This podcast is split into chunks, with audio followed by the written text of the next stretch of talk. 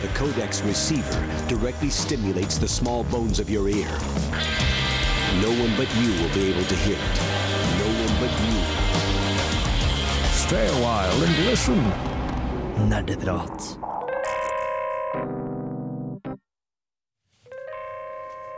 Hei og velkommen til, til Nerdeprat. Mitt navn er Anders. Vi er ett og et halvt minutt bak tida i dag pga. tekniske vanskeligheter her i studio. Det hjalp å restarte PC-en. Det gjorde det. Eh, Hvis du er i tvil, skru den av, og så skru den på igjen. Det gjelder Yes. for alt her i livet. Eh, Som dere hører her, så har vi vår tekniske gud og dataomstarter eh, Torben Dahl. Hyggelig å være her. Åse er med oss i studio. Det stemmer. Og så, ikke minst, eh, Steinar er her. Hei, hei. Og TM. Hallo. Nei, ikke minst. Det er meg det er snakk om det. Det er, for det er jeg som, er, jeg som både tjukkest og voksnest her i studio. Anders heter jeg. Eh, Vi skal være med dere nå i 1 time, 58 og et halvt minutt framover. Eh, Nerdeprat her på, på Radio Revolt. Ja, du fikk Amercord av André Øy her i Nerdeprat på Radio Revolt. Uh, Torben, my man, Yeah. hva har du spilt siden sist? Jeg har spilt ferdig Alboy! Oi. Alboy. Da må du ha spilt utrolig mye, for det er jo ganske nytt. Ja, det er ganske nytt, men ikke så fryktelig nytt. Det kom ut i 1. november, Mm. så det blir vel en 16 dager hatt på meg. Det, jeg vet også at Renate spiller, men hun får ikke, har ikke fått til å være her. Men Renate har eh, skrevet anmeldelse for Underusken av Allboy. Så dere må plukke opp Underusken og lese der. Hvis du liker å lese i tillegg til å høre på radio, så bør du definitivt sjekke ut, eh, sjekke ut den anmeldelsen. Men jeg kan si min, min egen mening er at Allboy er veldig bra spill. Det holder eh, ganske veldig høy kvalitet. Og spesielt eh, det visuelle og estetikken og også musikken er veldig stemningsfull. Og spillet bare oser stemning, altså. Det syns jeg. Ja, eh, hvor, mange, hvor mange timer brukte du på å komme deg gjennom hele Owlboy? Åtte til ti timer. Åtte til ti timer? Så det er jo det er en grei timespris, skal jeg ta si. Jeg kan skjønne at det er noen som synes det kanskje er litt høy pris, for det spillet har en sånn pris på 200 et eller annet. Så, men eh, jeg synes at eh, kvaliteten At så, såpass må vi finne oss i å betale til indie-utviklere. Det er jeg helt enig med deg i, Torben. Eh, Åse, Yeah! hva har du spilt siden sist? Vet du hva? Jeg har fordypet fordypt meg enda mer i, ei verden av Sims. Og det jeg har oppdaga eh, etter hvert som jeg har blitt mer investert i Sims 4 i det siste, så har jeg òg deltatt i eh, Dets online community. Og det har jeg lyst til å snakke litt om, Fordi der foregår det mer enn jeg trodde det skulle være. Eh, det har nemlig Er det, altså, bare sånn, så vi kan forberede lytterne på dette nå. Skal du snakke om shady shit? Nei. OK, nei, men da er det bare å kjøre på. Det er ikke noe shady shit. Det er veldig mye Det er veldig mye drama i Sims Community nå for tida. Fordi det er en veldig sånn eh, prominent uh, custom, custom content creator, som det heter, som lager ja, ting. Som da har støtta Trump. Og i, eh, og i Hva skal jeg si uh, Kjølvannet av det så har det skjedd veldig mye. Uh, det er noen som har sverga seg Noen som har drevet avinstallert all den CC-en som han har laga. Noen som har gått CC? over til Sims Ja, CC Custom, uh, custom Content. Ah, ja, ah, ja, ok. Eget Um, innhold som vedkommende har laget. Ja. Uh, det er noen som har gått over til Sims 2. Det er noen som har gått over Det er noen som har sverga, Sims, sverga seg Sims i det hele tatt. Og det er noen som eh, bare har dette i det og fortsatt, sånn Sånn, som de holder på med. I protest, da. Ja, i protest mot Men- eh, herre mot herre fyren. Det, det, det er jo ikke Maxis eller EA som har uh, støtta Trump, det er jo bare en modder. Hvorfor skal man gå vekk fra Sims når det bare er noen modder som uh, I, I, I, I don't get it. Altså, Jeg har et veldig enkelt svar på det, og det svaret er Tumbler. Oh god, no.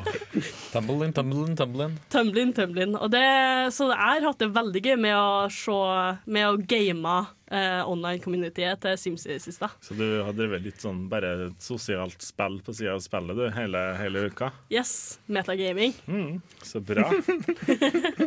er det noe mer du vil si om det også? Jeg syns det høres jeg, Altså, jeg vet Altså, jeg var sånn Hva i verden er det her for noe? Helt til du sa 'because Tumbler'. Og da sånn ah, mm. Obviously. Ja, Obviously, selvfølgelig. Hvis det er noen som ikke jeg snakker om, så har de kanskje vært in the thick of it allerede. Det og de ønsker seg jeg har også spilt Owlboy, jeg òg. og gjort det ferdig. Selv om jeg ikke liker platformers, så likte jeg Owlboy veldig godt. Så altså, For meg så var det, ble det en sånn Det ble en historie om å, om å trosse sine disabilities, da. Mm. Og det syns jeg var veldig inspirerende. Uh, så jeg satt med tårer i øyekroken når det spillet var ferdig. Definitivt. Anbefales all. Så nå er det to av to som har snakka om Owlboy i studio, som Ja. anbefaler det så langt. Det, det er jo 100 det. er det. Eh, vi skal gå videre til Steinar og TM, og ikke minst meg sjøl. Men før den tid skal vi høre Kappekoff med Oktober. Incoming! Du hører på Nerdeprat! Ja, du fikk Kappekoff med Oktober. Eh, og oktober er jo ferdig. Vi har jo gått langt i november. Vi er halvveis til desember. Herregud, jeg har ikke kjøpt en eneste julegave ennå.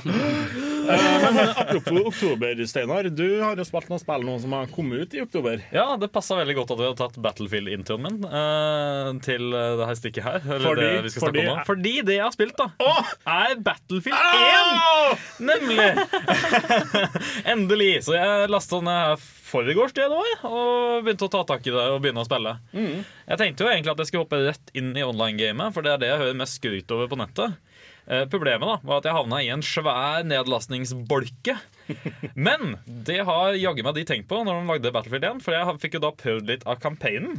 Ja, du har muligheten til å spille campaign fra du har lasta ned 30% av spillet. Ja, sånn. det er noe sånt, ja. Også, okay. Og hvis du kommer fortere enn spillet rekker å laste ned resten av campaignen, så vil den bare stoppe deg og så fortsette å laste ned der du er. da Han vil heller prioritere hvor du er i spillet i campaignen i forhold til alt annet download-messig. Ja. Så, så jeg ble litt, veldig dratt inn i Glemte nesten helt at det var et online-game også. Og syns intro, nei, altså, introduksjonen jeg fikk via eh, campaignen, var jækla spennende.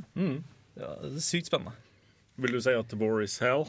War is hell, definitely. Uh, det, det var bare den sære følelsen at du ble Når du først døde og ble om til en annen person med et nytt våpen, så var det sånn Hæ? Hva skjedde? Jeg faktisk fikk en jeg holdt på å si, Det å dø hadde noe å si. Vil du si at uh, war, war never changes?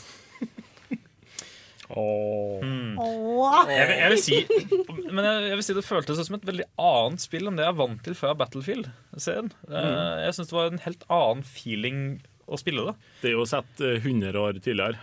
Ja, ja jo, jo, men jeg- det men det liksom, jeg, vet ikke hva det var, men det var følelsen av våpenet, følelsen av eh, kontrollene. Det var, det, var, det var som å få tilbake et veldig veldig bra Battlefield-spill som ble lagd litt tidligere. Eh, jeg fikk litt Bad Company 2-feeling over det, som jeg syns er et veldig bra Battlefield-spill. Men kanskje enda litt bedre, faktisk, enn så lenge. Men jeg har jo ikke prøvd online ennå, så jeg skal ikke si altfor mye. Du har heller ikke prøvd å kjøre fly ennå? Jo, det har jeg. du det? har jeg faktisk, Hva for det var noe av det første jeg kasta meg inn i. var fly. Hva, hva, hva synes du om kontrollene på flyene? Ja, det er litt heavy. Eh, Det er litt tungt, det det. Eh, Det å prøve å snu med disse flyene, det er- det er en jobb, ja. Altså, Jeg har ødelagt flere fly nå. eh, i løpet av, altså, Jeg får opp sånn statistikk sant, på hvor lang tid jeg har sittet i fly og sånn. Ja, det gjør det? Eh, ja, eh, I hvert fall i multiplayer. Og jeg tror jeg har sittet Altså, jeg har kjørt fly jeg, i ti minutter totalt. Men jeg har òg krasja ti fly. jeg er helt, helt elendig i det der. Jeg syns det er mye lettere å kontrollere skyting i fly, da, vil jeg påstå. Fordi det er såpass seige svinger og seigt kontroller på det. Så jeg, jeg er litt begge deler. Jeg syns det er litt digg at det er litt seigt. Jeg syns flyene i nyere Warfare-spill er altfor lett å snu på, og plutselig så er jeg rett inn i fjellvegg fordi at jeg kom borti joysticken, liksom. Ja, nei, det der er jeg nå, skjønner du. Ja, så det skjønner. Ja. Mm. TM, eh, har, du, har du hosta ferdig? Er det litt sånn kremting? kremter litt, jeg. Det Er er det for at du har så mye på hjertet? Hoste opp litt spill. hoster litt spill? Eh, nei, det, det, er bare, det er bare min måte å I don't even know, man. Uh, men hva har jeg spilt siden sist? Ja, det var egentlig det som var spørsmålet. ja. uh, jo, vet du, Uh, siden sist så har jeg faktisk eh, spilt et utrolig eh, fascinerende visual novel eh, slash simulator på Steam som heter One Night Stand. Ha, Er det Eh, her en sånn follow-up til at du spilte Tinder for 14 dager siden? Jeg venta på den. Jeg venta så jævlig på den. It's never gonna end. Hvorfor, hvorfor gjorde jeg det her mot meg sjøl? Ah, okay. Men nå har du gjort noe mer mot deg sjøl. Du har spilt One Ja, Night Stand. Uh, Eh, Eh, det dukka opp på Kotaku-feeden, så jeg syns det var interessant, men Mm. jeg burde skjønt bedre. Uh, men jeg har laga en, en anmeldelse om det, som også kommer til å komme litt uh, seinere. Så jeg skal litt, ikke si for mye om det. Litt senere i programmet, ja. Vi hadde veldig gøy når TM sa at han skulle anmelde. One Night Stand. Åh. Og trodde da det var et follow-up til Tinder-gamet. Men eh, dessverre. Jeg trodde dere oppriktig Ja, ja, at det Ja, var en jeg- one som skulle evalueres etterpå. Ja, jeg trodde helt ærlig talt at han sa jeg skal evaluere et One Night Stand. Nei. Jeg vil påstå at det her er et spill med en eksplosiv avslutning. Nei. Oh, oh no, I didn't. Eh, vi skal høre uh, Toy Savoy med 'Morning', som vi jo kan One Night Stand og sånn til hjem. fuck. Vi kommer aldri til å gi oss. Sånn er det bare.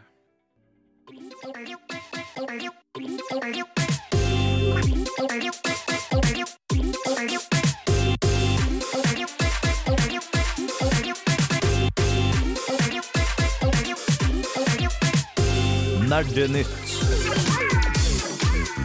Ja, velkommen tilbake til Nerdeprat her på Radio Revolt. Vi serverer det ferskeste, det hotteste, det mest sexy nyhetene på hele Radio Revolt om dataspill. Torben, hva har du til oss? Jeg har litt av hvert. Vi skal snakke om in norske indieutviklere som kommer ut på PS4. Vi skal snakke om uh, Mass Effect On- Andromeda. Vi skal ha en buttload med Nintendo-nyheter. Og vi har også noen uh, jeg si, litt, kanskje litt dystre nyheter for uh, Ubisoft. Men uh, aller først tenker jeg at vi uh, kan snakke om Krillbite. Krillbite er de norske utviklerne som holder til på Hamar, som har Jon Cato Lorentzen som CEO. Og de uh, slapp ut Among the Sleep for uh, Det begynner å bli ett eller to år siden. Mm.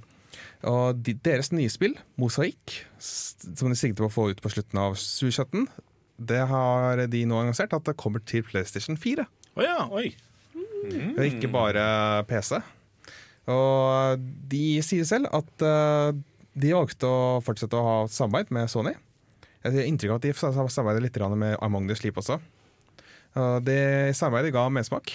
For de, uh, Krillbite har inntrykk av at Sony jobber enda mer med at uh, indieutviklere for, for å fokusere på indiespill. Så nå kommer det både til PC og til PS4. Blir det sånn? Ja, sånn jeg forstår det. Kult. Det. Hva, hva går egentlig spillet ut på? Mosaikk, var det det? Mosaikk. Det er et, uh, de har sluppet en teaser-trailer på det. Ut fra den så ser det ut som en uh, ganske monoton, dyster uh, hverdag for en person som går i sånn typisk dress-attire på vei til uh, jobben. Men så plutselig en dag så skjer det noe ut av det uvanlige. En filthy casual, altså. What? Mest sannsynlig en konsollgamer, vil jeg påstå. Ei! Oh. Nei, uff. TM forsøker dårlige spøker. Uff. Sorry. Nei, ikke bra. Ikke bra. Eh, Sist gang vi hadde sending, så kom eh, også Maren og fortalte oss at eh, det skulle snart komme informasjon om Mass Effect Andromeda. Nå som vi står her i dag, så kan jeg si at det har kommet informasjon om Mass Effect Andromeda. Uh, har, du, eh, har du lyst til å oppsummere for oss eh, også, Maren, eller uh, hvordan eh?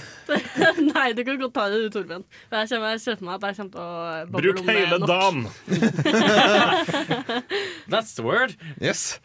Vel, i, de har sagt at uh, hovedpersonene i Mass Effect Andromeda reiser fra det skjønner som er vår galakse. Jeg har ikke spilt det eneste Mass Effect-spill, så ikke, ikke skyt flammekastet på meg hvis jeg tar feil. Men uh, hovedpersonen reiser fra det som er vår galakse, fra rundt slutten på Mass Effect 2. Og siden det tar sånn 600 år å komme bort dit, så går det i deep sleep og på en måte sover ut reisen. Som betyr at de får ikke med seg noen ting av hendelsene i Mass Effect 3. Så kan vi spekulere i at eh, det kanskje er gode grunner til at eh, utviklerne har valgt å distansere seg litt fra Mass Effect 3. Sånn kjapp spoilerversjon. Hva er det som skjer i Mass Effect 3 som er kontroversielt? Altså, du velger sjøl hvordan hvordan verden blir, da. Oh, ja, OK. Du, enten skal du kontrollere, eller så skal du destroy, eller så skal du eh, Og hva er det grønne, da? Én ting til. BioWare fikk et massivt uh, hva skal vi si, massiv online skuffelse når uh, folk eh, nådde den slutten. Fordi ja. de ble skuffet av et eller annet. Ja, altså Det Mass Effect 3 gikk ut på, var jo at du skulle redde jorda fra såkalte reapers. Og, dem, og da, på slutten da, så fikk du adgang til, en, til et verktøy som lot deg velge hva du skulle gjøre med de reaperne. da. Om de skulle få og de skulle få ta over og utslette uh, om du skulle kontrollere dem, eller Du ja, bare spinner bla, bla, dem bla, bla, rundt bla. mens de sier 'die, die, die. die'. die, die. Death comes. De uh, sier også at de skal gå litt vekk ifra det svart-hvitt-systemet de har hatt, med Paragon Renegade. Å, endelig. Men at de i stedet skal få litt mer nyanserte dialog-options. Og de forholdene du kan innlede med forskjellige crewet ditt, det skal også bli eh, litt mer eh, dypere. Og ikke, ba ikke, ikke bare velge de riktige alternativene for å oppnå sex. Oh. Du skal, Så, så urealistisk. Oh boy. så urealistisk. de skal også ha et ferdighetstre, hvor du på at du velger å unlocke abilities i stedet for at du skal velge klasse. Og Amass-rommet da, er da, skal da komme ut første kvartal neste år. Så snart. Det kommer snart! Sa du hvilken plattform du var på? Jeg er usikker, jeg tror jeg er alt bortsett fra VU. Ah, OK. Oh, man. As most games. De vanlige, som det så fint heter. Yes. Uh, vi rekker vel en siste nyhet før vi går til låt, tenker jeg. Eh, Nintendo de har særdeles få Nintendo Classic Mini, fordi Nintendo Classic Mini selger som eh, varmt hvetebrød. Nintendo Classic Mini, for de av dere som ikke har fått med, med dere det, det er Nintendos litt sånn uh, leketøy, liten greie på en måte, som er er en, jeg sliter med å kalle det en spillkonsoll. Men det er på en måte den originale Nes-maskinen. Og så har de sunket den ned, sånn at du får plass i hånda di. Og så har de preinstallert 30 spill på den, og that's it. Du kan koble til ta, koble i strøm, koble i HDMI, koble i uh, en eh, Nes-kontroller, som de eh, også lager opp uh, ny. Og så kan du spille 30 klassiske Nes-spill på TV-en din. Men det er altså utsolgt nå. Ja, det er utsolgt overalt. Det er jo ikke noe overraskelse. De starta vel å hype det der allerede i april-mai, om jeg husker helt rett. Ja, Men jeg husker at det kommer litt seinere, i tidlig høst. Nei, det var i Men- sommer. I sommer kom det, kom det noen greier om det. Ja, de, de har kjørt skikkelig på retrobølgen med sånn 80-tallsgrafikk, eh, eller sånn stil på eh, annonser og sånn. Mm. Så Og så er det jo en overkommelig pris på nå. Det er jo under Ja, ja. tusenlappen. det er eh, så rundt eh, 800 kroner her i Norge. Hvis noen hører på, så er det det jeg ønsker Hvis noen hører på, så er det hvis du hører på mamma eller pappa, så er det det jeg ønsker meg til jul. Og den er da Men den er vanskelig å få tak i. Og hvis du går på Finn, så tror jeg du finner den til sånn 1200-2000. Liksom. Fordi det er det folk på Finn gjør. Men, men det de, de skal produsere opp flere, sant? Ja, Nintendo sier at de gjør hva de kan for å møte etterspørselen. Og, står jeg bare her og hva, Hvorfor har de så få? Er det, har de lite tro på produktet? Var de ikke i stand til å produsere så mye? Eller holder de igjen for å skape etterspørsel og blest, slik de er kjent for å gjøre med Amibo-figurene?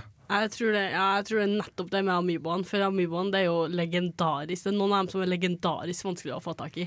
Og det kan umulig være sånn at Nintendo ikke forutså at dem, en av deres mest populære konsoller ikke kommer til å selge. Ja, sorry, vi får ikke til å lage noen flere Amiboer, for vi gikk tom for uh, Plastikk. plastikk. sånn er det. Eh, Torben har flere nyheter til oss etter Wales and This Lake med World B. Du hører fortsatt på Nerdeprat, du hører fortsatt på Radio Revolt, og det er fortsatt Torben som er vår nyhetsanker i dag. Ja, sant det. Det hadde jeg nesten glemt. Vi, Hadde, hadde du eh, egentlig glemt det, Torben? Nei. Eller litt. Det- det litt kan jeg, jeg, jeg, hadde, jeg hadde nettlesevinduet mitt eh, nede. Det kan være et tegn på demens, jeg bare sier det. Ja, ja. Men hva var det gjorde den? Nei da. Eh, vi har flere nyheter. Flere Nintendo-nyheter spesifikt. Det leder som Zelda, Breath of the Wild, eh, kommer sannsynligvis ikke samtidig med Switch, hvis vi skal tro eh, noen av ryktene som har svirret rundt i det siste. Hvem er det som kommer med de ryktene der som vi skal mest sannsynlig tro på? Eh, det er en, du har en journalist som heter Emily Rogers, Mm. som eh, jeg vet eh, som har fulgt en stund, som har eh, jeg vet hva, det, det, det er bescience point. Ja, okay, greit. Eh, The Legend of Zelda Breath of the Wild er uh, det nye Zelda-spillet. Og mange har egentlig gått rundt og tenkt at dette kommer samtidig som Nintendo Switch kommer ut i mars. Ikke fordi Nintendo har sagt det høyt, eller sånt, men fordi at uh, det høres fornuftig ut å slippe et Nintendo-spill samtidig som eh, med den nye maskinen, ikke sant? for å få den til å selge. Men eh, spillet er så utrolig stort at uh, lokaliseringa tar lengre tid enn planlagt, hvis vi skal tro disse kildene. Og at uh, fordi det er så mye, mange linjer å oversette og sånn. Men nå ble jeg litt usikker. Har du noen gang blitt sluppet en Nintendo-konsoll samtidig, altså med et uh, Zelda-spill på day one? Tok ikke, Var ikke det Nintendo Wii? Twilight Princess? Ja. Kom ut uh, både på Wii og GameCube. Eller litt seinere på GameCube. Å ja, OK. Wind Waker var vel også en ganske big deal eh, på GameCube tidligere. Ja, men det var ikke ikke samtidig. Det var ikke det? Nei. Nei, jeg tror ok. det som slapp ut med GameCube, var uh, Luigi's Mansion. Super Mario Sunshine òg, kanskje. Det var litt Det òg var seinere. Ah, Ja. shit. Men ja, så siden det er så mye å oversette, og også testinga skal ta ganske lang tid eh, Nintendo satser på å ha et nær eh, bugfritt spill, i motsetning til en viss annen åpen verden-spillutvikler. Men det er jo, det er jo, det er jo utrolig, utrolig ambisiøst av dem å si det, da. De gjør jo fallhøyden ekstra si- høy for seg sjøl. Si og si, dette er eh, ryktene disse dette, dette er ryktene som sier, ikke Nintendo. Ja, OK. Nei, men da, da, for- da er det greit. Fordi Nintendo de vil jo egentlig ikke gå ut og snakke med, med presse og sånn. De holder seg veldig for seg sjøl, på en måte. Det har jo alltid vært deres greie. Det er litt trist, egentlig. Ja, men eh, da sparer de seg for eh, mye bry også. Yeah, jeg Ikke, guess ikke minst kommunikasjon med gamere på internett. mm. Vi kan gå videre til eh, Ubisoft, som nesten kan sies å være europeiske tilsvaret til Nintendo. Men uh, vi har jo i en lengre stund nå hørt om Vivendi, som er en fransk mediegigant, som annet er i Viasat, som har prøvd å kjøpe opp eh, Ubisoft og få kontroll over dem. Mm. Uh, vi, i, eh, det siste vi hørte fra den sagaen, var i høst, når de hadde generalforsamling i Ubisoft. Da greide de å avverge at Vivendi fikk noen som helst inn i styret. Men de greide å måte holde makta ved Guillemot-brødrene, som er på en måte de som eier og står bak Ubisoft. Eh, men eh, nå så har Vivendi greid å kjøpe seg opp og ligge på 24% av aksjene til Ubisoft. Og da de begynner å nærme seg grensa på 30 Det som skjer hvis de får 30% av aksjene, er at eh, de får lov til å legge ut et bud på resten av aksjene samtidig. Hvilket, kan bety at de eh, kan få, inn, eh, få kjøpt inn ganske mange flere aksjer, og plutselig så, før ord av det, så har de over halvparten. Men det er jo sikkert ikke lønnsomt for dem likevel å, endre eh, Ubisoft totalt. Um, har de peiling på spill? Eh, Tidligere selskaper som har hatt erfaring med Vivendi, har ingenting positivt å komme med. Ja, OK. Så jeg har eh, skjønt det. At det, er, det er liksom, hvis, hvis du tenker deg corporate uh, prota- protagonist, så er Vivendi det du tenker deg. Okay. Så vidt jeg har skjønt det. Så vidt, så, så, sånn som uh, det fortelles på internett. Og Rett og slett. vi, vi, håper, vi håper det går bra med Ubisoft, at de greier å få kjøpt opp og eie seg selv. på en måte. Hvis alle sammen trykker Altså, vi, vi bryr oss jo mer og mer om dem ut ifra hvor mange likes vi får på Facebook og sånn, som det oftest skjer. Nei? Nei. ne- Nei. Okay. Pess, like, pess, like. Og til sist så kan vi ta for oss at Super Mario Run har fått pris og dato. Super Mario Run er eh, Super Marios debut på noe som helst annet enn Nintendo-plattformer. Det er nemlig eh, det spillet som nå først kommer til iOS-plattformen. Altså Super Mario på iOS. Det skjer. Shigeru Miyamoto kom jo ut på scenen på denne ene Apple-konferansen. Bare Ja, vi utvikler til Apple. Mens, mens han gråt. Men, men, men, men det, det, er jo, det er jo helt nytt. Eh, Men er det, altså, har vi noen forutsetninger for å si om, om Nintendo håndterer denne plattformen bra eller dårlig? Mm, det vet jeg ikke. Eh, Super Mario Run det kommer til iOS-enheter 15.12. Mhm. Og når du får lastet ned spillet, så får du prøve litt grann av hver modus. Det er tre moduser totalt. Men eh, vil du spille hele spillet, så betaler du en engangssum på 109 norske kroner for å låse opp alt. Ja. Det er ikke noen mikrotransaksjoner og sånt. Du betaler ikke for ett og ett nivå eller for å få en energikilde eller noe sånt. Men, Du betaler bare én gang, og så har du låst opp hele spillet. men det er jo fortsatt ganske dyrt for et mobilspill, det er det første som slår meg her. Ja, det er det jeg skulle til å spørre. At, uh, Høres det rimelig ut? Uh, spørsmålet mitt er egentlig Er det sånn at du, er det det det koster å laste ned spillet? Eller er det gratis å laste ned, og så betaler du hvis du ønsker å spille alt sammen senere? Det er det siste du sier, at det, er gratis å laste ned. Så får du på en måte prøve ut spillet, Ja, og så kan du selv velge å investere i eh, spillet. Det, selv, ja. ja, selv så tenker jeg litt sånn at vi må nesten bare se når vi får prøvd det. Eh, jeg har kjøpt mobilspill som har kosta rundt 100 kroner jeg før, Mm. og vært veldig fornøyd med de, og noen har gått til helvete og ikke vært veldig fornøyd med det i det hele tatt. Så det kommer helt an på hva jeg finner ut da jeg får testa det sjøl. Ja. Tenker jeg, da. Jeg tror nok jeg kommer til å betale de kronene uansett. Jeg, i hvert fall. Mest fordi jeg er såpass spent på hva Nintendo gjør med en mobilplattform. Men det her er jo ikke noe vi får svar på før langt i 2017 likevel, når de begynner å se på salgene og om det stemmer overens med forventa salg. Men det er fortsatt det billigste Mario-spillet du kan få tak i. Det kan jeg komme på. Det er bare at uh, konsollen du spiller på, er ti ganger dyrere enn en Wii U, nesten. Ja.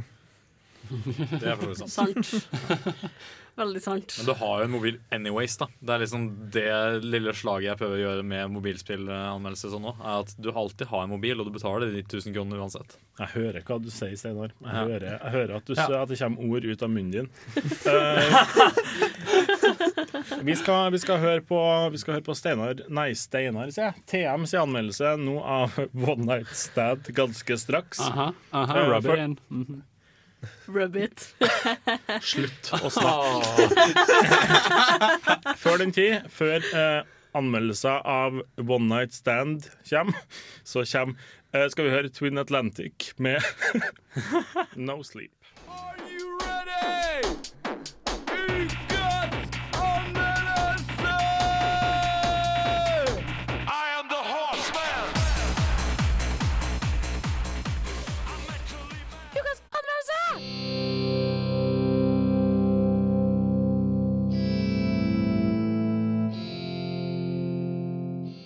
Etter ei lang natt som virka morsom, lidenskapelig og med litt for mye å drikke, våkner du i samme seng med noen du ikke kjenner, og dere er begge fullstendig nakne.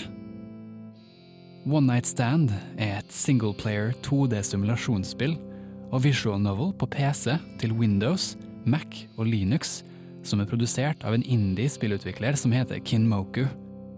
Spillet begynner med at du blir kasta ut i en dagen derpå-situasjon. Du husker ingenting, og må finne ut av hva det var som skjedde før du endte opp i denne senga sammen med en total fremmed. Gjennom øynene til karakteren du spiller, så vil du ha muligheten til å se deg rundt i det ukjente rommet. Du kan trykke på objekter som kan hjelpe deg å pusle sammen litt mer informasjon enn du starta med, og komme til bunns i hvordan kvelden før har utspilt seg. Spillet er pakka med originale kunstverk som er tegna for hånd, og sjøllaga bakgrunnsmusikk som setter en moden og dempa stemning. Stilen til utvikleren får spillet til å virke levende, og det føles utrolig tilfredsstillende å se på. For å gjøre det enda mer spennende er det tolv ulike slutter på spillet som du kan få ettersom hvilke valg du tar. Alt avgjøres av hvordan du velger å håndtere situasjonen du havner i, og hvordan du kommuniserer med personen som du våkner opp ved siden av. Grunnen til dette er fordi spillet prøver å utforske de ulike utfallene en one night stand kan ha, og legge fokus på hvordan du sjøl kan gjøre det beste ut av en situasjon som historisk sett har en tendens til å bli en klein morgen. Du kan jo selvfølgelig bare røske til deg eiendelene dine og gå rett mot utgangsdøra, men er det virkelig det lureste du burde gjøre? One Night Stand prøver å formidle et viktig budskap til oss om hvordan det er å våkne opp med en fremmed person i senga ved siden av. Og til å bare koste 20 kroner på Steam, så syns de det er så verdt det. Det tar ikke lang tid å fullføre heller, så hvis du ser etter noe nytt og friskt i spillverdenen som du kan legge til i spillbiblioteket ditt, vil jeg absolutt anbefale å gi One Night Stand en ordentlig sjanse. Bare husk på at valgene dine har konsekvenser. Og en gjest som stikker nesa der den ikke hører hjemme, vil fort bli om til en uvelkommen gjest. Hva du velger å gjøre, det er opp til det. Ja, det var altså One Night Stand til Eh, du, du kaller det en blanding av en visuell novelle og en simulator og alt mulig rart. Um, I tillegg så er det at du våkner opp naken. Altså, eh, det første spørsmålet jeg har, eh, er får du velge sjøl om du spiller mann eller dame. Nei, Er du mann eller dame? du er mann. OK. Mm. Hva, hva syns du om det, Åse? Altså Jeg er jo all for at man skal eh, sette seg inn i andre perspektiver. Eh, yeah. Det er bare ikke et perspektiv som jeg er interessert i. Ok, Så, så, så det, det heteronormative verdensbildet satt til sides. Er et bra spill? Uh, greia med spillet er at eh, det, det, altså, når du tenker Du hører ordet Eller når du hører one night stand Altså, Vi har jo fnisa på lufta nå i en ja, ja, halvtime. sant? Dere har alle sittet der og ledd av meg og mobba meg, og jeg sitter jo her og er scarred for life. Uh, men, men greia er jo at det er faktisk et utrolig rørende spill, uh, som på en måte snakker til deg på, på et nivå der du måte ikke hadde forventa. tro, tro meg eller ei, altså, jeg vet dere ser rart på meg nå, men, men det er ganske, ganske trivelig å sitte måte og bli kjent med denne personen i spillet her, og finne ut hvem de er. For det er ingen som egentlig tenker over at når du, eksempel de som da er på en one night stand uh, Jeg vet ikke, de vil kanskje komme seg vekk så fort som mulig. Jeg, jeg skal med hånda på hjertet si at jeg har aldri hatt en one night stand, uh, så det vet jeg ikke. Men jeg antar at de vil komme seg vekk så fort som mulig.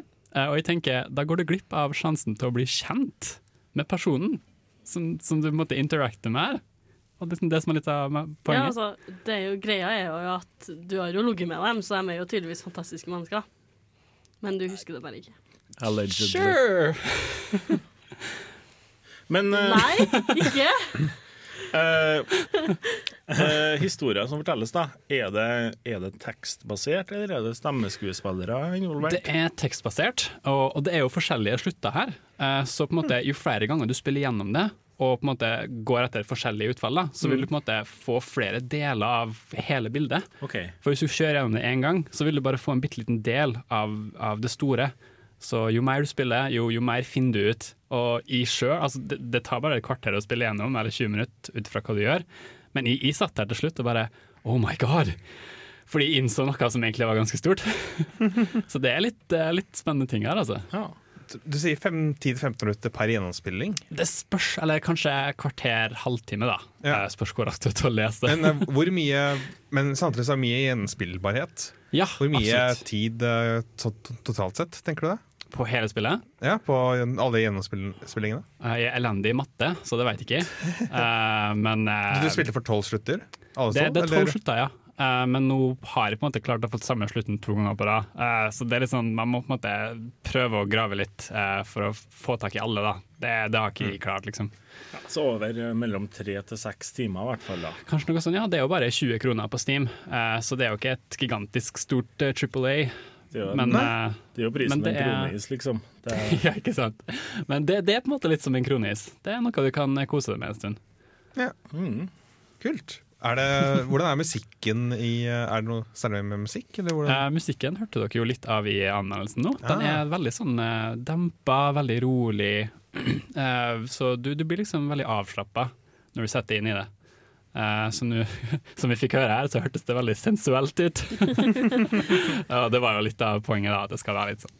Jeg syns du generelt er en ganske sensuell person, NTM. Ikke ta ja, Nå er det varmt her. Det er faktisk eh, ganske, ganske varmt her. Jeg, jeg kan gå bort og skru av ovnen, jeg, hvis det Nei, Å, ja, du, du, du, er, du er radiotekniker, ikke varmetekniker. Nei, okay. Nei, ja. Så det står ikke i jobbeskrivelsen din. Sorry. Eh, Ser du svetter litt? vi- eh, Vi Anders? skal, vi, skal, vi skal øke temperaturen enda mer, for eh, etter, eh, etter denne låta nå, så skal vi gå på ukas eh, spørsmål. Men før den tid får du Emil the Duke med Fin. Når innså du at du var en gamer? Dersom du kunne spilt kun et spill i et år, Hva er det eldste spillet i backloggen din? og du var på en øde øy i helvete mens du var 11 år gammel, Hva har du lært fra spill som du har fått nyte av i hverdagen? Er det et spill som har hjulpet deg gjennom en tung periode av ditt liv? Hva er ukas spørsmål? Nå er dere sikkert alle overraska over at vi faktisk skal ha ukas spørsmål i dag, og ikke ukas utfordring. Og, og, og grunnen, grunnen til at vi har ukas spørsmål, det er at jeg er litt sånn bakpå på julegavehandlinga og sånn. Så, så mitt spørsmål til dere er Se for dere at dere har en venn, venninne, familiemedlem som på, av en eller annen grunn aldri helt har fått seg til å sette seg ned og spille et spill. Eh, og du skal, du skal kjøpe et spill til dem i julegave. Hvilket spill kjøper du da? One night stand. Du er den! Det var, det, du var kjapp på avtrekkeren. Uh, hvorfor, hvorfor ville du kjøpt uh, One Night Stand? Uh, nei, jeg ville egentlig ikke ha kjøpt dem One Night Stand. Jeg ville først spurt dem uh, hvilke sjangere de liker. Nei, det, nå- det vet jo ikke. Fordi Nå, nå, de har er ikke jo, spilt. nei, nå er du selgeren i det som kommer fram her. Du skal, du skal bare gjette deg fram til det, og så skal du gi det til dem. Gitt dem det dyreste Triple A-gamet jeg har. Hvorfor? Eh, Altså, er det en bra introduksjon? Nei, det er egentlig ikke det. Nå får du meg til å føle meg som et dårlig menneske. Eh, Torben, har du kanskje lyst til å svare på spørsmålet først, mens eh, TM går litt i tenkeboksen her? Tja, et spill til en person som er ny til gaming, Mm. da tenker jeg umiddelbart Nintendo. Fordi eh, Nintendo er, lager spill som kan spilles av både barn og voksen, Mm. som ikke har noen særlig erfaring fra, med spill fra før. Det er ikke, og det er ganske lettvektige lett, spill også. Det er, ikke- det er ikke sånn dystre, tunge tema eller uh, masse blod eller noe sånt. Det er uh, veldig skyldige spill. Mm. Så, og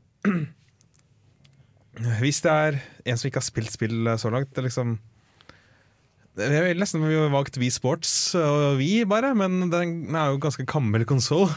Mm. Jeg tenker at Hvis du skal noen et spill og spille, så må du på en måte gi dem en konsoll. Jeg tror kanskje jeg ville gått for en håndholdt. Akkurat nå er det vel 3DS, New 3DS, og så eh, et eller annet eh, Mario-spill på det. Ja. New Super Mario, Mario Bros til originale DS. Mm, mm. Hva du tenker, Åse? Hva ville du kjøpt? Jeg ville faktisk eh, Jeg tror ærlig talt at en god introduksjon til gaming hadde vært, hadde vært Sims. Mm. Og før dere flirer av det, Ja, ja, ja. Så, tror, så tror jeg det er den beste starten for å få get a hang of sånn spillmekanikker, sånn basic spillmekanikker. Gjør dette her, så får du det der. Det å starte fra det perspektivet man allerede lever i. Sant? Gå på do for å ikke ha, rød på, ikke ha rødt på blæremeteret. Sant? Det er veldig basic ting, og så relaterer jeg så mye til det livet vi allerede lever. da. For at vi må faktisk på do, vi òg. Ja, sant? Simon gjør det, dem òg. Og så hvis de jobber, får de penger. Og hvis de får mer penger, så kan du kjøpe deg ting. sant? Veldig basic spillmekanikker, som, som Sims er en veldig god introduksjon til.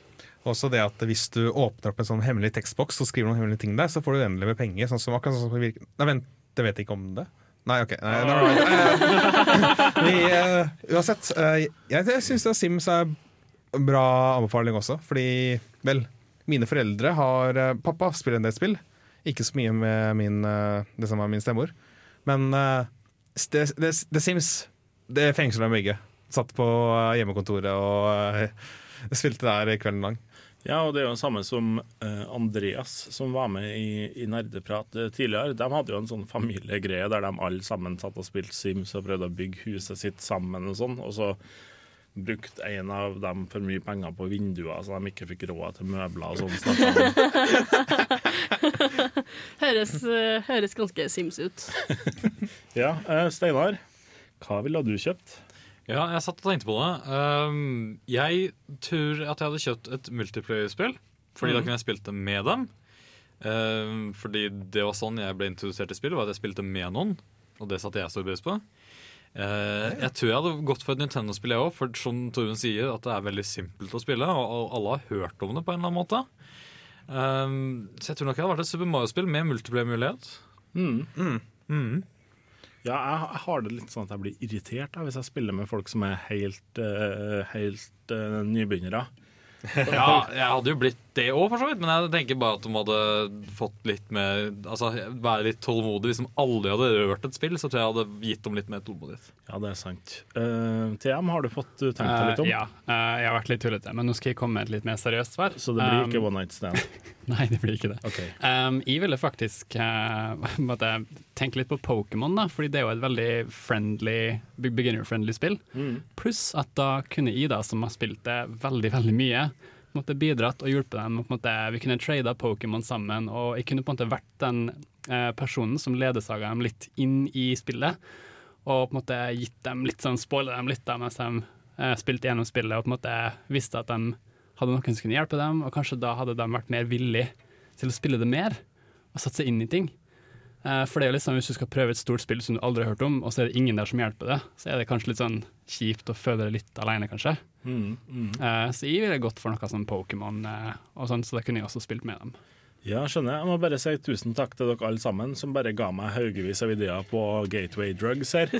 uh, vi skal hoppe videre til temadelen. Før den tid får vi Pom Poko med 'Birthday'.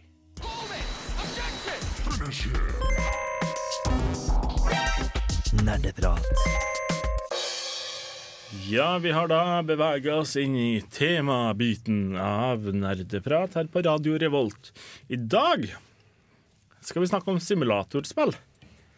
Og da lurer jeg på Hva er egentlig et simulatorspill, folkens? Det er et godt spørsmål, faktisk, fordi det finnes jo flere ulike simula simulatorspill. Mm. Jeg vil jo Jeg har sånn tre hovedkategorier som jeg opererer med, da. Og det er livssimulasjon, bysimulering og sånn tullesimulering. Sånn type uh, Goat Simulator, og, som kasta seg på den simulator-trenden vi så for en tid tilbake. Det er litt tidlig å begynne å shame på forskjellige simulatorspill, ikke det? Også før du på en måte Før jeg satte meg inn i dem og forstått dem. Jeg føler meg som en geit, jeg, så jeg ble litt snurt, jeg nå. Ja, eh, jeg kikka jo litt på den lista du har, eh, og så tenker jeg litt sånn rundt eh, eh, Arma er jo en veldig velkjent uh, militærsimulator. Mm. Uh, går den da inn under livssimulatorer? Altså, jeg, jeg, prøver bare å finne ut litt sånn ytterpunktene av de forskjellige, forskjellige kategoriene her. Jeg ville jo sagt at si- livssimulatorer er mer sånn altså det kan være en, kanskje, en, kanskje vi skal skape underkategorier av livssimulatorer? Ja, det går an. Altså krigs- og altså Jeg vil jo si at for eksempel Sims Mm. det, er jo, det er jo definitivt ikke en krigssimulator. Det er jo en et hverdagssimulator. Ja. Og det er ikke alle som deltar i krig, men alle går på do og et. Og Bortført av aliens. Veldig, veldig, Ja, det veldig, veldig bold statement du kommer med der, men sånn stort sett så går de fleste på do, har jeg hørt. ja. Menn blir gravide med alienbarn og sånn, det er helt normalt. Altså Vi vet aldri. Jeg er sikkert en person som mener at den har født alienbarn. er vi ikke alle aliens? I want to believe. Men hva slags erfaringer er det vi egentlig har med Sim-spill? Rundt bordet her? Gud. Altså, Sjøl så har jeg jo spilt Sims siden jeg var seks år gammel. Eh, Drept s- som da- Druknet folk i uh, hva blir det nå, 14 år? Nei, på den tida så besto det mest av å bygge hus som var sånn én etasje, men ingen, null tak, null vinduer.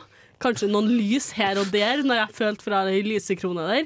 Og noe sånn håpløs, svære rom. En boks, basically. Ja, basically bare en boks for å leve i. Med masse sånn, med masse sånn juksekoder. Sånn, jeg husker det var Rosebud, utropstegn, uh, Sim... eh, Sim, simulontegnet, utropstegn, simulontegnet, utropstegn, simulontegnet, eller noe sånt. We get it, you're a nerd.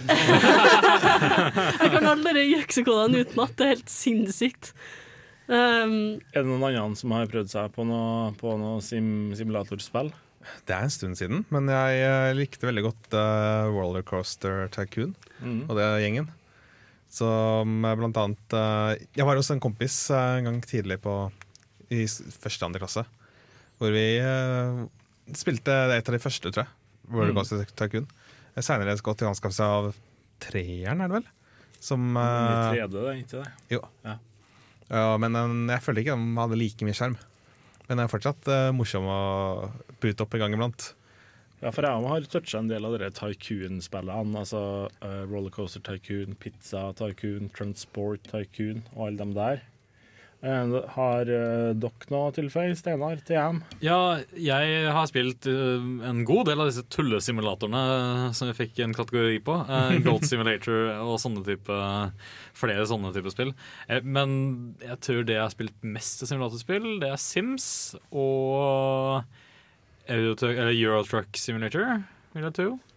At det er de, de to jeg har spilt mye. Du TM, du trakk fram et simulatorspill som du hadde Ja. Uh, jeg har egentlig ikke lyst til å snakke så mye mer om One Night Stand lenger, men det er jo for så vidt et eh, simulatorspill. Ja, men du har jo også, det var et, et sånt uh, Surgeon Simulator. Uh, det òg. Ja. det har jeg vært litt borti. Eh, jeg har ikke spilt det så mye, egentlig, men det er jo litt sånn un under tullesjangeren, da, som, som Åse nevnte. Ja, for at, det jeg tenker når jeg hører ordet simulator, det er, jo et, det er jo på en måte noe som skal forberede deg på å gjøre the real thing etterpå. Mm. Altså at etter at du har Jeg tror det var Microsoft der som sa en gang i tida at hvis du spiller flight sim, så kan du på et eller annet tidspunkt operere et eh, vanlig fly.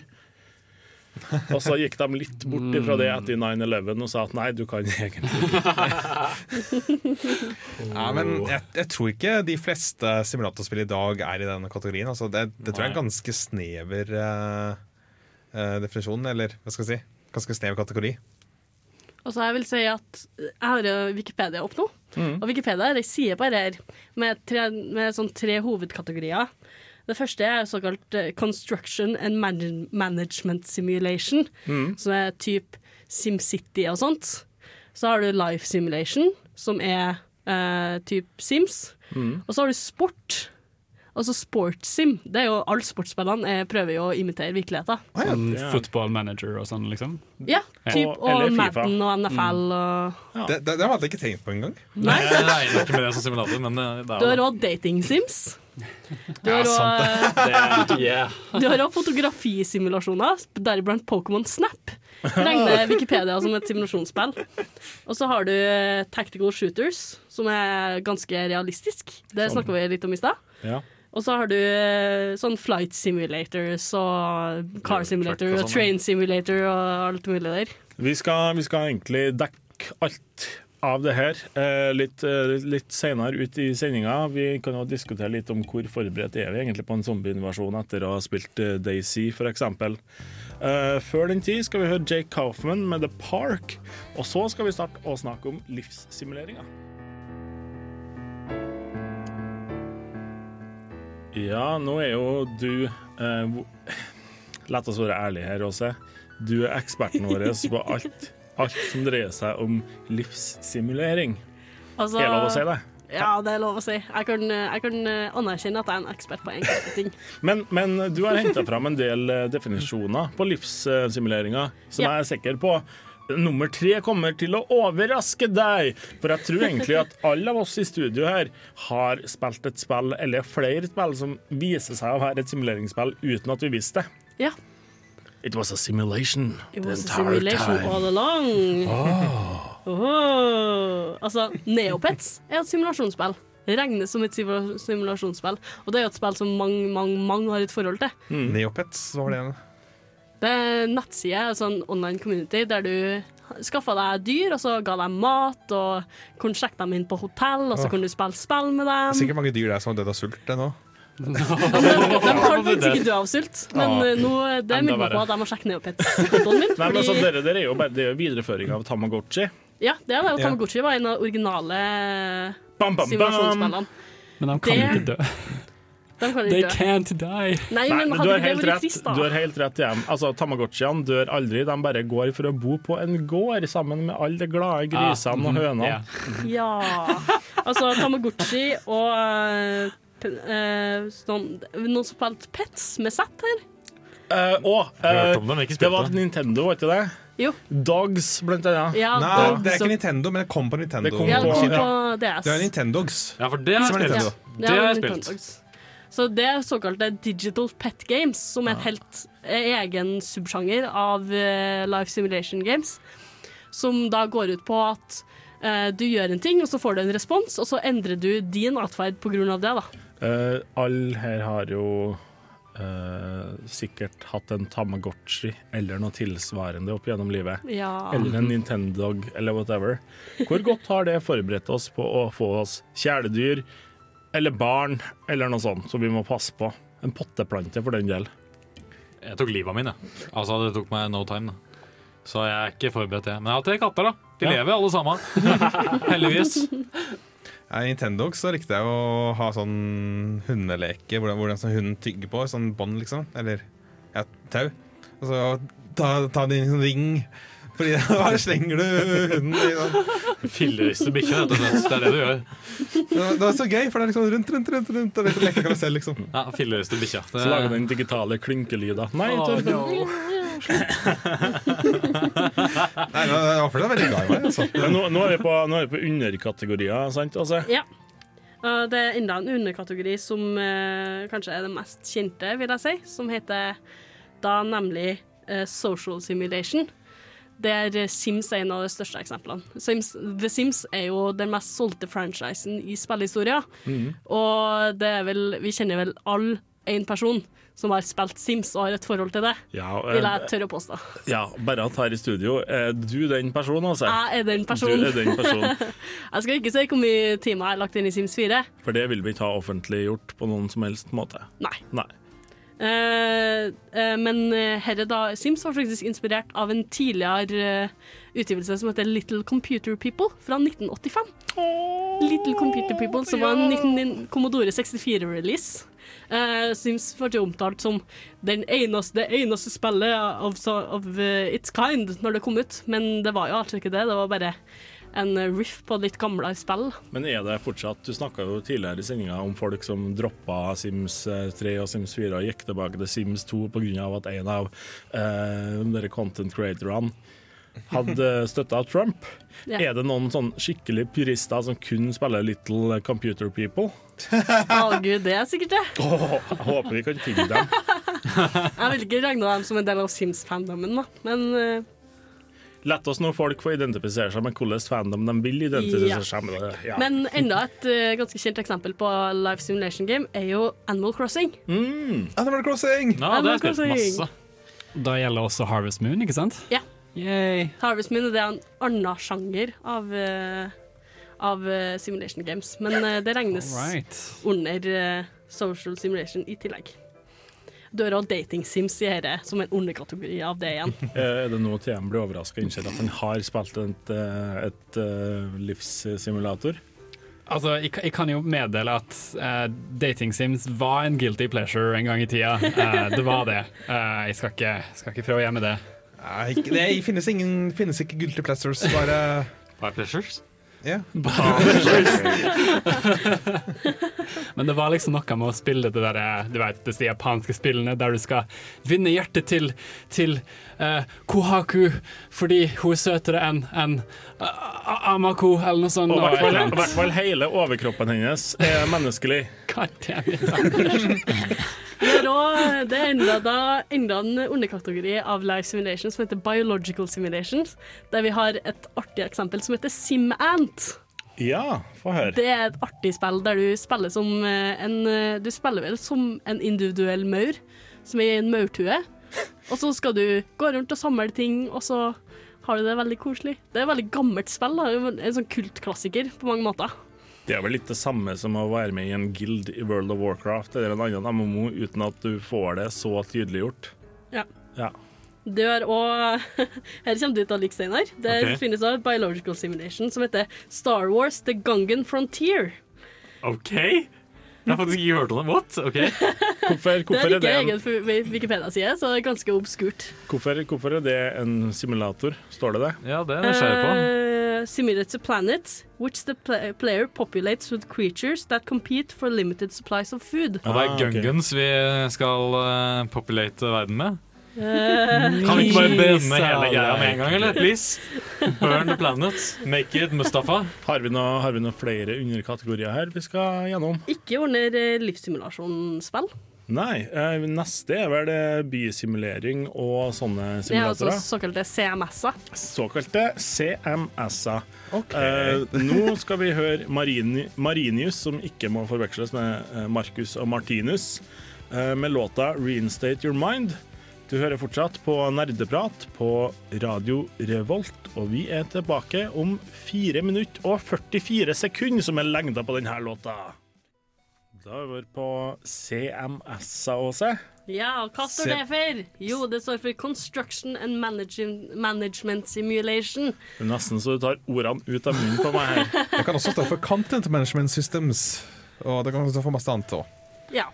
Cool, cool mustard Nei. Så, men nå, nå er det Classical music shampoo. shampoo. There we go.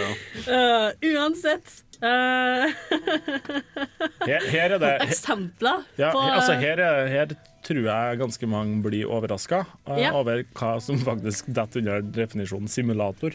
Yes, fordi ikke bare er det spill som SimCity, men du har òg et spill som heter Dwarf Fortress, som vi har snakka om før, Anders.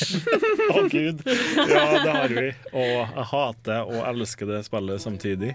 Construction and Management Simulation er også en type spill, eller en under, undertype av disse simulasjonsspillene, som går ut på at du har ressurser, og så skal du bruke dem, og så bygger du noe med dem. Ja, så det, eller ofte er det vel å begrense ressurser du har. Ja. Ja. Ja, så må Sånn- du bygge sånn at du får ressurser igjen, at du får, liksom, at du får mer enn det du investerer. Ja. Men betyr det da at Warcraft 1, 2 og 3 er simulatorer? Helt Det er nederst? enkelte strategispill som har CMS i seg, Ja. men uh, Akkurat sånn som visse spill har RPG i seg. Ja. Men det, det er på en måte ikke Du har de ulike typene CMS, og så har du CMS-elementer i andre spill. da. Er det sånn at jeg driver og plukker, plukker fram den diskusjonen vi hadde for over et år siden om Nei. hva som er rogelikes Nei. og sånn nå? For det føles litt på samme måten. Jeg muter deg, Anders. Mikk ned. Men må historie, jeg snakket litt om historia, for den synes jeg er litt interessant. Eh, Det starta altså med et spill som heter The Summer Game. Altså ikke Summer Game, men med én M. Som The Summer Game. som i Altså, sumerianerne. ja. Ah. Senere kalt Har Hammurabi. Som var et ganske sånn enkelt sånn tekstspill som ble utgitt tidlig til en, en eh, maskin som heter DEC PDP8. De, Cam Bates. de fløy, Også, fløy den sikkert til månen eller noe sånt. Ja, men det betyr, det, akkurat det er interessant, fordi det betyr at det var den første typen simulasjonsspill som fantes. Ah. Eh, og så senere så ble det et spill som heter Utopia, kom ut i 1982 for Intellivision, og det er inspirert av SimCity, som kom ut senere, som ble det første virkelig store, suksessfulle CMS-en. Så Utopia inspirert SimCity, som på en måte er, er sjangerdefinisjon per i dag. Ja. Mm. SimCity er da en eh, Vi kan begynne å snakke om undersjangre, fordi det er flere undersjangre akkurat her. Du har City Building Games, som er ja, ja, SimCity. City Skyline. Du har Mm. Business Simulation Games, som blant annet er et spill som heter Capitalism, eller Transport Tycoon. Transport Ja. Tycoon har kanskje noen eh, forhold til. Open Transport Tycoon. Yes. Pizza Tycoon brukte jeg å spille en del. Eh, det gikk ut på at du skulle lage en pizzarestaurant. Åpenbart. Eh, men du kunne jo Hvis det var noen andre i byen din som gjorde det bedre enn deg, så kunne du ta opp telefonrøret, ringe The Candy Shop, og så gå rundt og brenne pizzarestaurantene til motstanderen din med bazooka og molotovs og alt mulig rart. Hæ? Jo, Serr? Ja. Det hørtes plutselig mye mer interessant ut da du åpna yeah. Så hver gang du sier interessant, så mener du egentlig shady, Steinar? Når jeg, når, jeg inter, når jeg sier interessant, så er det som regel molotovs eller fire in the picture her. Det er godt og vått, da. Ja. Du har òg en som heter Government Simulation Game. Som eh, er litt annerledes fra, fra såkalte war games, fordi det involverer Det er ikke noe sånn direkte sånn eh, militært med det, da. Mm. Det er mer f.eks. for eksempel et spill som heter så mye som Diplomacy. Diplomacy 3 er veldig stort spill i denne sjangeren.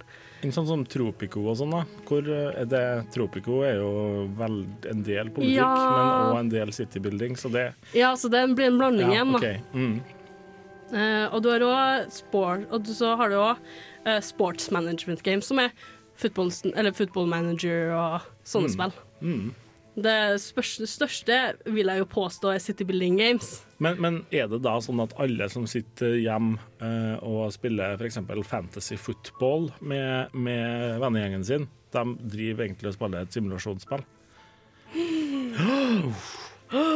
Maybe. Det skulle ingen tro, men det er faktisk sånn. Du hørte det her først på Nerdeprat. Men du har òg et spill som jeg har lyst til å nevne, som er Dungeons and Dragons PC-spill, som heter Wow! Stronghold.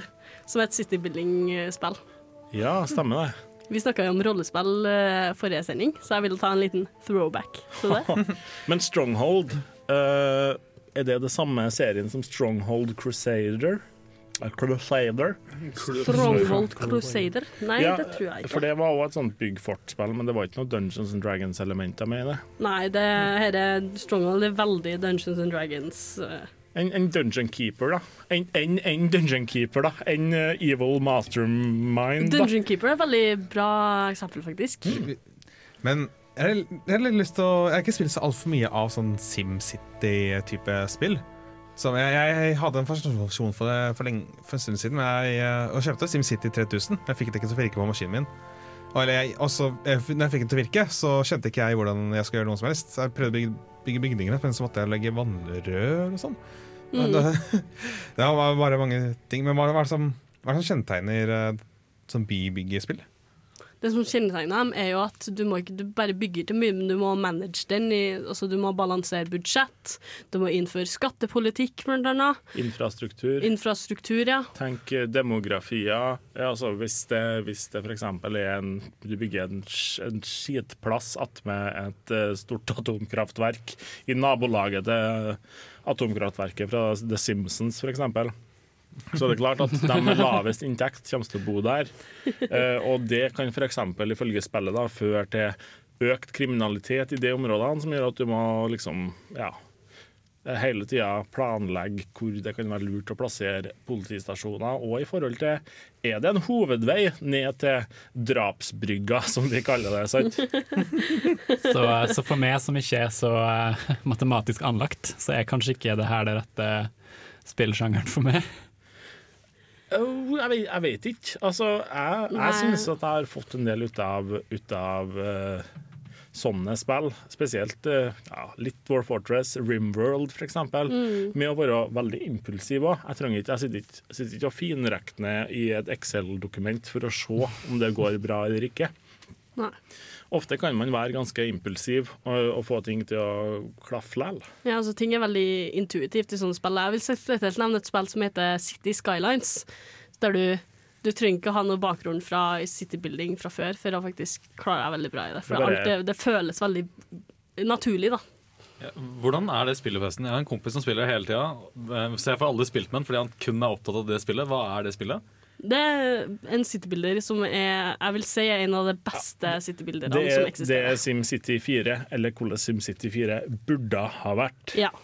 Vi skal hoppe videre til andre type simulatorer som vi skal snakke om. Ja, vi har vel laga oss en liste her nå over sånne flysimulatorer og sånne ting som vi skal Mm. snakke om. Før den tid skal vi høre James Blake med 'Timeless'.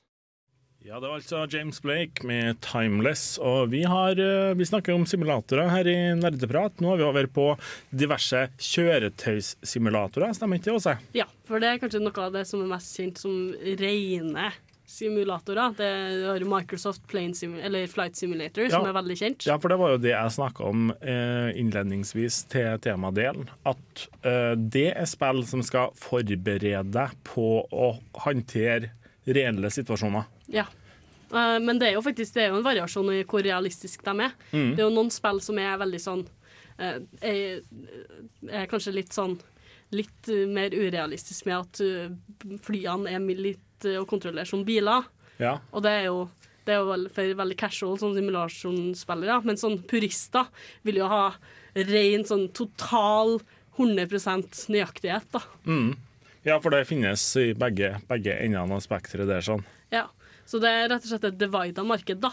Mm. Men eh, når det kommer til sånn casual, så har du jo eh, Eurotruck Simulator, som ble veldig populært for en tid tilbake. Mm. eh, der du kjører trucks. så, det Ganske faktisk- enkelt. Ja. Ja, som er, det er litt artig at uh, de som kjører trucks i virkeligheten, er de som spiller Truck Simulator mest. Kommer hjem og har en pause, og så bare nei. Sånn, sånn tror jeg òg det er med uh, Train Simulator. Nei, jo, Train Simulator, ja. Og eh, ikke minst Farming Simulator. Ja. For at det kommer en liten morsom historie med angående Train Simulator. Kjør på, vi elsker morsomme historier. Eh, jeg og lillebroren min dro på Teknisk museum i sommerferien for å dra på Game On-messa. Som de har stående i andre, andre etasjen. Hvor det er massevis av spill du kan prøve fra alle verdens hjørner og konsoller og tid, tidsrom. Så der eh, sto det annet utstilt et uh, japansk uh, train simulator. Og lillebroren min falt eh, pladask for det spillet. Bare sto der og kjørte tog i eh, en god stund. Ah. Mm. Og jeg fikk, jeg skal innrømme, jeg er en tognerd eh, selv, så jeg, jeg har litt lyst til å prøve time, eh, Train Simulator. Problemet med Train Simulator, eh, for å være helt ærlig på det, så er det det spillet i verden med flest DLC-er, så vidt jeg har forstått det. det Slår, slår det Sims? ja, det gjør det. What? Altså, Sims har noen DLC-er, men, men når det kommer til offisielle DLC-er, så er Train Simulator Altså, finnes det et tog, så finnes det en DLC for det. Går det på skinner, eller? Ai. Åh. Nå, nå tok du en TM. Tok en TM. Å nei, å nei, å nei, Steinar. Nå må jeg arrestere deg, for du var ikke morsom. Det var kjempemorsomt. vi, skal, vi skal hoppe over til litt sånn tullesimulatorer og sånne ting nå. Skal vi å se. Du har en del sånne lina opp til oss etter at du hører Jay Kaufman her. Yes. Da, av. Da skal vi snakke om hvordan det er å være geiter og sånn, har jeg forstått det som. Yes. Så vi skal snakke om livet som geit etter Jay Kaufman med Outside Apartment.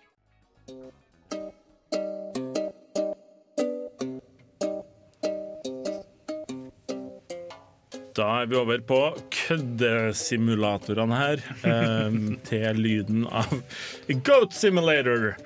Goat Simulator er vel det mest kjente eksempelet på det her. Ja, det Det er var det. det som starta trenden med tullesimulatorer. Og det som er litt artig, er at det er jo haugvis av Altså tullespill som kaller seg simulatorer uten å egentlig være simulatorer. Jeg tenker f.eks. på Shower with your dad simulator 2015. Do you even shower with your dad?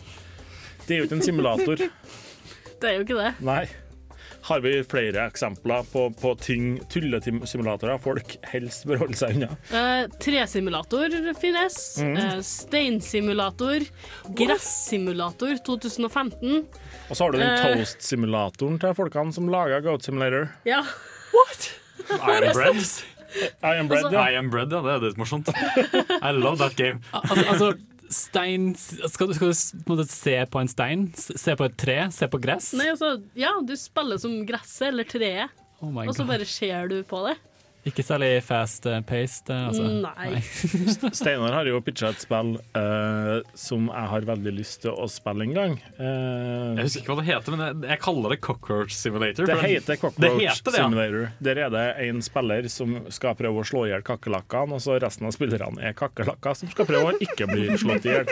Poenget er at du løper rundt og prøver å finne matgjester på kjøkkengulvet altså for, for å reprodusere deg selv og få mer liv til laget ditt. Da. Og så skal du holde ut tida mens et menneske misfoster prøver å ta livet av deg med gjenskapet på kjøkkenet. Fantastisk. Og så enda et ganske kjent uh, simulatorspill er jo Surgeon Simulator. Ja, stemmer. Uh, du har òg Zombie Training Simulator, Corporate Lifestyle Simulator, Domestic Dog Simulator. uh, Nei, men altså, uh, altså pff, Ja, altså, tullesimulatorer er i hovedsak tull, ikke simulatorer. Det er ingen som sier 'Er det en lege på det her, i denne salen her?' Så er Jeg har nå spilt uh, Surgeon Simulator, da. altså, det er sånn som life science, men for casuals. Jeg syns jeg begynner å bli god til å geite meg når jeg har spilt Goat Simulator, da, men OK. Du har òg en simulator som heter Pregnancy with your mom simulator 2015. Oh, Do you, Nei, 2016. do you even pregnancy with your mom? er det samme utviklerne? Nå ble jeg veldig nysgjerrig her, men jeg vil egentlig ikke votte Nei, jeg vil egentlig ikke vite hva det er for noe. Uh, dette med at, liksom, dette cockroachene som skal finne matrester og reprodusere seg, minte meg egentlig litt grann om et spill på PC som heter Tokyo Jungle. Der du skal gjøre litt av det samme for å holde det i live. Eh, men det er kanskje ikke en simulator når jeg tenker over det. Har dere ikke hørt det om det? det? Jo, jeg mener jeg skal ha hørt om Det det. det? Det er sånn Mm. gjengrodd Ja. Tokyo Ja. som du går rundt i. Og, Og Du skal, du, du skal velge et dyr, og så må du på en måte føre generasjonen videre mens du overlever så lenge som mulig. Men det er kanskje ikke en Eh. tullesimulator. Nei, det ikke så mye Stemmer det. Det, det var temaet, det, ja. Du, tok, du tok det til neste nivå, kan du si. Men ja, kan vi si at eh, har, har vi gått lei av tullesimulator hvis eneste eh, Hva heter det? Punchline er at det, He! Vi lager en simulator om dette. Ja, vi har gått lei. Altså, nei, nei, snill, altså, jeg, jeg har veldig lyst til å lage en simulator der man stirrer på veggen, og så kan man male veggen, og så skal man vente på at det tørker. Det, det tror jeg kan eh, Så hvis du, hører på, hvis du hører på oss nå og får tenke Det var en kjempeidé, Anders. Jeg skal stjele den, ikke stjele den. Jeg, jeg, har, jeg har spilt Arma 3. Jeg kan drepe deg hvis jeg vil. Så, eh, så, så, men godheten i mitt hjerte er eneste grunn til at jeg ikke har tatt livet av samtlige lyttere akkurat nå. Merk dere det. Vi kan òg okay. nevne at uh, Sims har jo en del tulleelementer i seg. For eksempel det med Alien alien pregnancy. men, men det blir vel litt mer easter egg, så, så det er jo en fullverdig simulator til tross for alt det pisset som Ja. er oppå. Men en simulator trenger ikke å være 100% seriøs heller, syns jeg, da. Det har du rett i. Eh, vi, skal, vi skal høre 'Period Peace', uh, en låt av Jenny Wahler. Så er vi straks tilbake i nerdeprat her på Radio Revolt.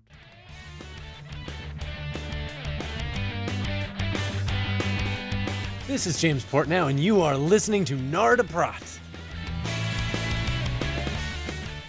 Ja, velkommen tilbake til Nardeprat Vi er nesten ved veis ende nå. Eh, men neste uke, da, da skjer det noe historisk. Hva da? Ja, nå kan dere lure. Eh, det er altså TM. Han har vært med oss i mindre enn et semester nå. Eh, du har vært med på hvor mange programmer? Åtte programmer, kanskje? Noe sånt, ja. Ja, og nå, neste onsdag, så er det din tur til å ta på seg programlederhatten for første gang. Hvor, hvor ekte er hypen? Oh, man. Den er, skikk, den er ekte, ass. Den er ganske Hypen ekte. kommer i hvert fall. Ja. Det er bra! Så hva kan vi forvente oss? Eh, Eh, vi skal snakke om eh, Pokémon. Det skal vi. Uh, så det, det er noe jeg sjøl har spilt så det hele livet også, så det, det blir veldig spennende. Og Pokémon kommer ut dagen vi har sending. Pokémon Sun and Moon kommer ut dagen vi har sending, uh, som er 23. november. Eh, Men apropos ting som skjer i uka fremover, Torbjørn. Ja, eh, På lørdag så er det samfunnsmøte, sånn som det alltid er. Og det samfunnsmøtet sendes selvfølgelig på Radio Revolt oppe på Dusken. Men du kan også møte opp på Studentsamfunnet for å få, i deg, få med deg festmøte om Nintendo. Hey. De har fått med seg en eh, fra Smash-miljøet i Trondheim. Og eh, en, komp en komponist hos Funcom. Og, som skal snakke litt om Nintendo og betydningen som Nintendo har hatt. Så jeg kommer til å møte opp på det møtet. Så kanskje det er interessant for noen av det dere er andre altså òg. Studentsamfunnet i Trondheim lørdagen klokka 19. 19.00. Den 19. blir det? 19. ja. Ja. Vi er uansett nå ved veis ende. Eh, vi skal høre Bon Iver med 33 God. Eh, så snakkes vi om ei uke med TM eh, i Førersetet. førersetet hvor jeg leter etter. Vet du. Før det, frem til da så sier jeg bare ha det bra, folkens! Ha det bra! Ha det. Ha det.